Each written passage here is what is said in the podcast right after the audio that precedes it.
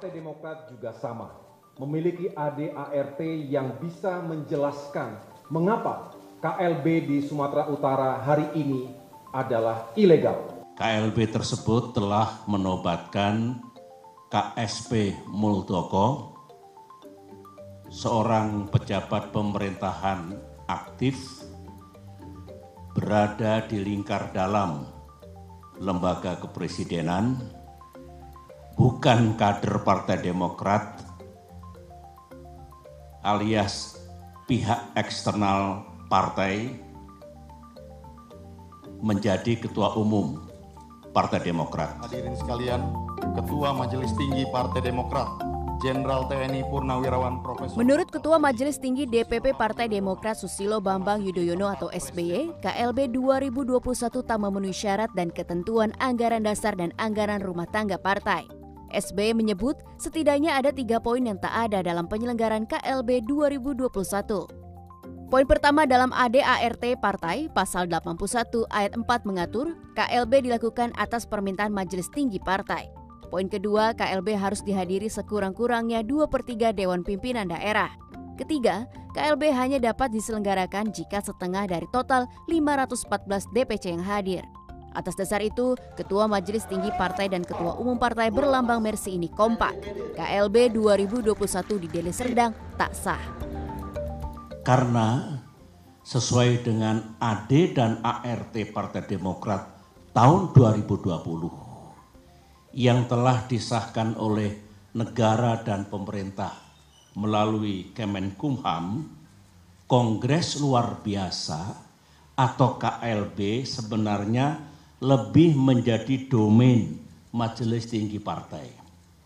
Bukan domain ataupun kewenangan Ketua Umum Partai Demokrat.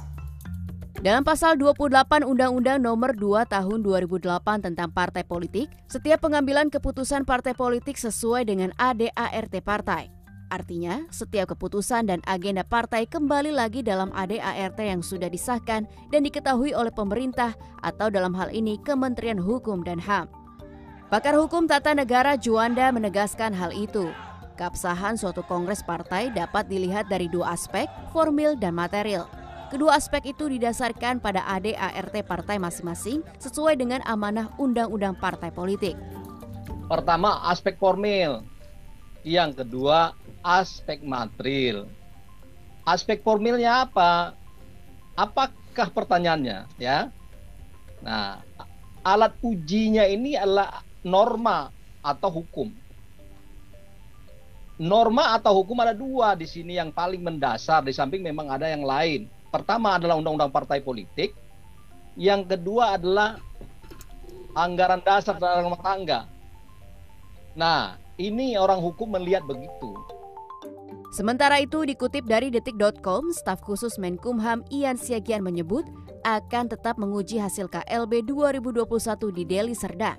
Kemenkumham memastikan akan mengkaji betul hasil KLB sesuai undang-undang partai politik.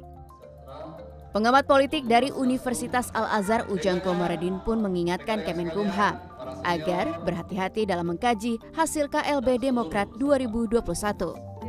Uh, Kemenkumham sebagai pemerintah ya, sebagai mewakili pemerintah atau uh, katakanlah mewakili negara, harusnya bertindak yang adil terhadap partai politik.